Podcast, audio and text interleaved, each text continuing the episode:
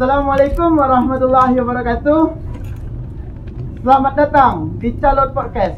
Calonnya Ormawa FT.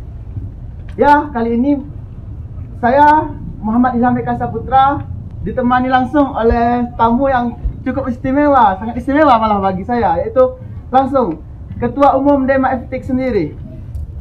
Calo Podcast sendiri itu adalah singkatan. Calo, calo itu dari cerita lingkup Ormawa. Yang tema kami angkat yaitu mengenal lebih dekat eh menge- mengenal lebih dekat Ormawa Estetik. Ah, jadi se- sebelum kita lanjut, ah, saya akan menyapa tamu kita terlebih dahulu yaitu langsung eh, Bang Nando Adesa Putra selaku Ketua Umum Dema Estetik. Bagaimana kabarnya Tum? Alhamdulillah saya baik. Alhamdulillah. Bagaimana dengan eh, pembawa acara sendiri? Alhamdulillah baik juga Tum. Eh, sebelumnya saya mau nanya-nanya dulu. Di- Apa kesibukan Ketum pada saat ini? Kalau untuk hari ini, tadi barusan saya mohon maaf kepada pembawa acara dan kawan-kawan eh, yang menyelenggarakan kegiatan ini.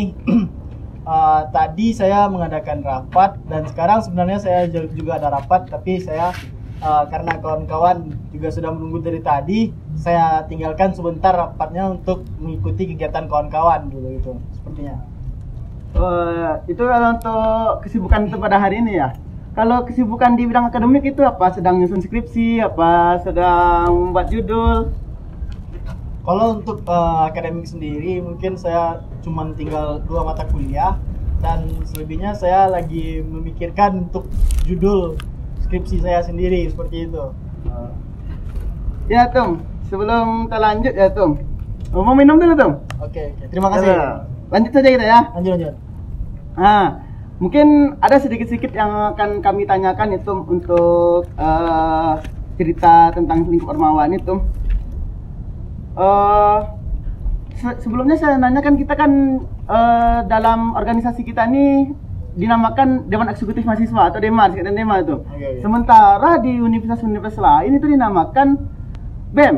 Apa itu perbedaannya tuh? Kenapa di kampus kita sendiri itu dinamakan dengan DEMA sementara di kampus lain BEM itu? Oke, baik menanggapi mengenai hal itu mungkin karena mm, perbedaan budaya mungkin dari masing-masing uh, universitas atau kampusnya seperti itu. Sedangkan BEM sendiri itu dipimpin oleh yang namanya presiden, baik itu presidennya presiden uh, universitas maupun itu fakultasnya itu dinamakan juga presiden. Sedangkan di DEMA itu tidak bisa kita sebut walaupun itu di uh, tingkatnya institut atau- ataupun uh, universitas itu sebenarnya tidak bisa disebut sebagai presma. Presma itu khusus untuk BEM. Sedangkan untuk DEMA ini sendiri itu di- disebut dengan panggilan biasanya cuman ketua umum saja, tidak dengan BEM gitu. Mungkin budaya kita itulah yang belum bisa mengikuti budaya orang lain gitu. Mungkin kita se- masih masih setia dengan budaya kita yang lama mengikuti dengan yang namanya itu DEMA, belum Iya. mer- merubahnya kepada BEM. Karena yang sama-sama kita tahu juga kita itu masih tingkatan institut, belum lagi universitas gitu. Iya. Mungkin menurut saya pribadi di, di situ perbedaannya gitu. Ya mungkin ya karena kita di Wahanawan Kemenak juga mungkin ya Ah, ya. bisa jadi, bisa jadi. Hmm. Dan selanjutnya kan eh, yang diatur oleh Dema Fakultas sendiri itu kan itu tidak salah kalau saya lihat itu ada HMPS ya itu. Ah, HMPS kan HMPS kan di tingkatannya di bawah Dema kayak itu. Oke, oke. Ah, jadi untuk jumlah HMPS di Dema FTEK sendiri ada berapa itu? Oke, mungkin untuk uh, jumlah HMPS di Dema FTIK itu karena ada enam jurusan, uh, jadi kita juga ada 6 HMPS. Yang pertama itu ada PAI, PAI itu Pendidikan Agama Islam. Selanjutnya ada PBA, Pendidikan Bahasa Arab. Ada PBI, Pendidikan Bahasa Inggris. Uh, BK, Bimbingan Konseling. uh, selanjutnya ada PTK eh Ah, ya, ada PTIK itu eh, teknik informasi dan Oh, iya, iya. komunikasi. Eh, yang terakhir ada matematika gitu. Iya, iya. Ada matematika. Mungkin itu sedikit. dan juga sedikit mungkin tuh dalam mana tuh dalam sebuah organisasi kan biasanya ada bidang-bidang ya tuh. Oke. Jadi bidang-bidang untuk di Dema FTEK itu tuh eh, apa saja tuh? Kalau boleh tahu tuh nih. Oke. Untuk eh, di Dema FTIK itu sendiri ada empat bidang. Yang pertama ada bidang internal, Eh, yang kedua ada bidang eksternal. Yang ketiga ada namanya bidang litbang, penelitian dan pengembangan. Dan yang terakhir ada bidang kominfo atau komunikasi dan informasi gitu. Di situlah pusat informasi dan komunikasi yang terjadi gitu untuk di sendiri gitu. Bisa nggak eh tuh menjelaskan sedikit tuh eh, ker- kinerja sedikit kan biasalah kan kalau di bidang info ini untuk informasinya untuk memberi informasi ke anu kalau di bidang-bidang lain gitu tuh Oke, mungkin mulai dulu dari internal ya. Uh, untuk bidang internal sendiri, itu kegiatannya itu meliputi kegiatan-kegiatan yang berada atau di ruang lingkup FTIK itu sendiri atau Fakultas Tarbiyah Ilmu Keguruan itu sendiri. Baik itu ber- bergeraknya ke HMPS ataupun dengan kegiatan-kegiatan yang bersifat internal gitunya. Sedangkan yang untuk eksternal itu fokusnya itu lebih ke arah keluar dari universitas itu sendiri gitunya. Seperti menjalin dengan uh, Imakipsi dan lain-lain sebagainya univ lainnya gitu. Sedangkan di Litbang, Litbang itu lebih lebih terfokusnya kepada penelitian dan pengembangan mahasiswa itu sendiri, baik itu dari segi lomba, perlombaan dan lain-lain sebagainya. Ya, semua yang bersifat penelitian dan pengembangan itu pengembangan dari mahasiswa itu sendiri itu akan dinaungi oleh bidang Litbang tersebut. Sedangkan Kominfo itu menaungi semua informasi dan komunikasi yang terjadi di Dema FTIK maupun di luar Dema FTIK gitu ya. Oh iya tuh, terima kasih banyak tuh. Mungkin itu dapat ya masukan mungkin cerita-cerita untuk teman-teman kan eh, apa itu organisasi. Mungkin ada sedikit motivasi untuk untuk teman-teman yang menonton mungkin ya fungsinya organisasi gitu tuh. Kan kebanyakan orang apa itu organisasi? Apa kenapa ikut organisasi? Sebenarnya organisasi itu menurut kita kan penting tuh. Oke, oke. Karena untuk menjalin hubungan gitu kan tuh apa namanya eh, relasi. Nah, bisa dijelaskan gitu untuk semangat teman-teman jika mungkin ada yang ingin berorganisasi gitu tuh. Oke baik. Eh, mungkin eh, bukan motivasi ya mungkin sedikit pandangan dari saya pribadi untuk kepada kawan-kawan yang belum berorganisasi segerakanlah untuk berorganisasi. Kenapa? Karena yang kawan-kawan dapatkan di bangku perkuliahan itu menurut saya pribadi tidak sampai 5% yang akan kawan-kawan aplikasikan nantinya di kegiatan eh, di dunia realnya atau setelah kawan lulus dari perkuliahan itu sendiri gitu kalau menurut saya pribadi itu sekitar 5 sampai 10% yang akan kawan-kawan bawa. Tapi lebihnya di mana kawan-kawan dapatkan? Itulah fungsinya dari organisasi tersebut. Di sana kawan-kawan belajar membuat apa-apa saja. Contohnya seperti surat. Kawan-kawan di dunia perkuliahan ada nggak? Di- diajarkan untuk membuat surat? Iya iya tuh. Tidak ada. Jadi kawan-kawan di situlah kawan-kawan belajar bagaimana membuat format surat yang benar. Mana tahu nasib baik bagi kawan-kawan menjadi sekretaris. Kawan-kawan tidak pernah sebelumnya membuat surat, sedangkan di organisasi kawan-kawan sudah pernah membuatnya. Jadi kawan-kawan sudah terbiasa, kawan-kawan sudah tahu apa yang harus kawan-kawan buat seperti itu. Iya iya iya.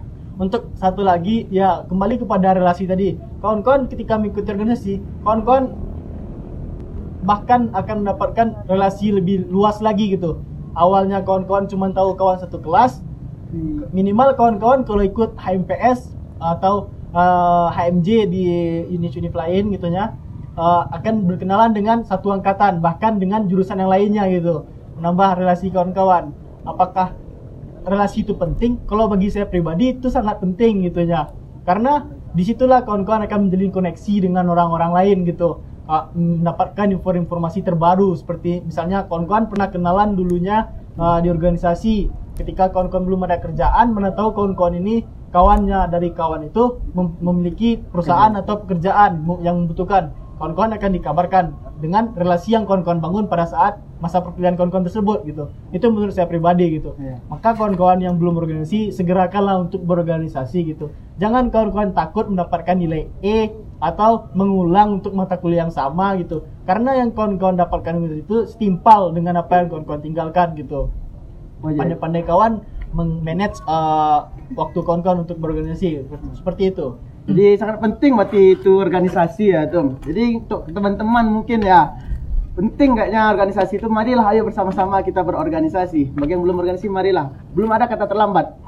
Karena banyak organisasi di luar ya tuh.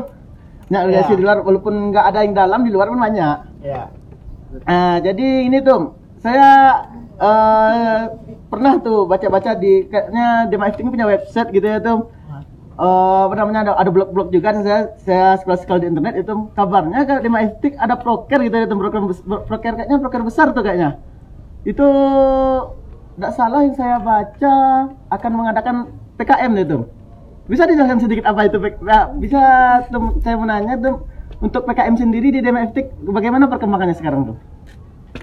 Oke, baik. Eh, kalau untuk PKM, mungkin eh, kawan-kawan yang berorganisasi mungkin sudah tahu apa itu PKM itu sendiri, yaitu Ya. Pekan Kreatif Mahasiswa. Di sanalah, ke- kenapa namanya Pekan Kreatif Mahasiswa? Yang pertama, mungkin di situlah eh, wadah atau tempat kawan-kawan baik yang berorganisasi maupun yang tidak berorganisasi menyalurkan atau me- men- menyampaikan hobinya kepada jalannya tersebut. Di situlah pengembangan kawan-kawan akan diuji itu.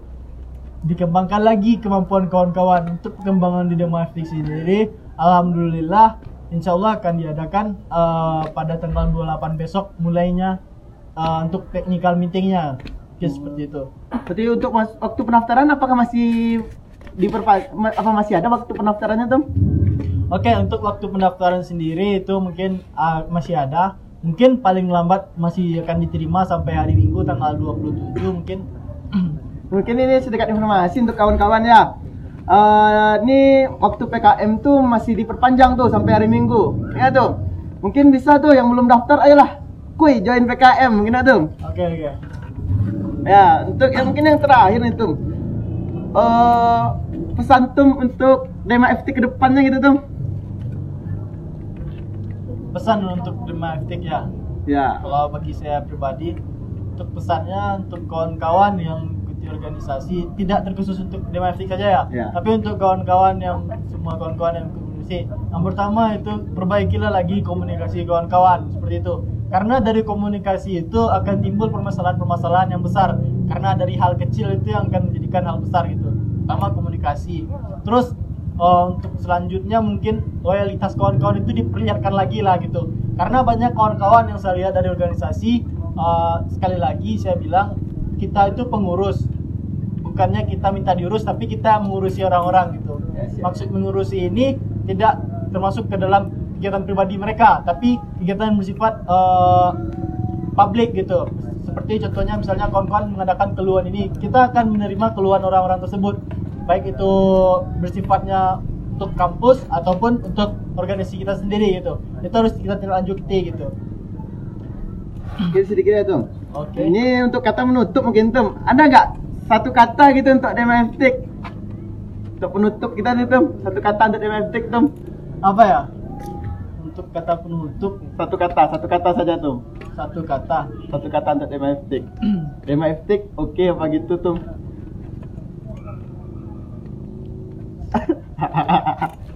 Mungkin kalau untuk saya pribadi eh, satu katanya itu solid lah.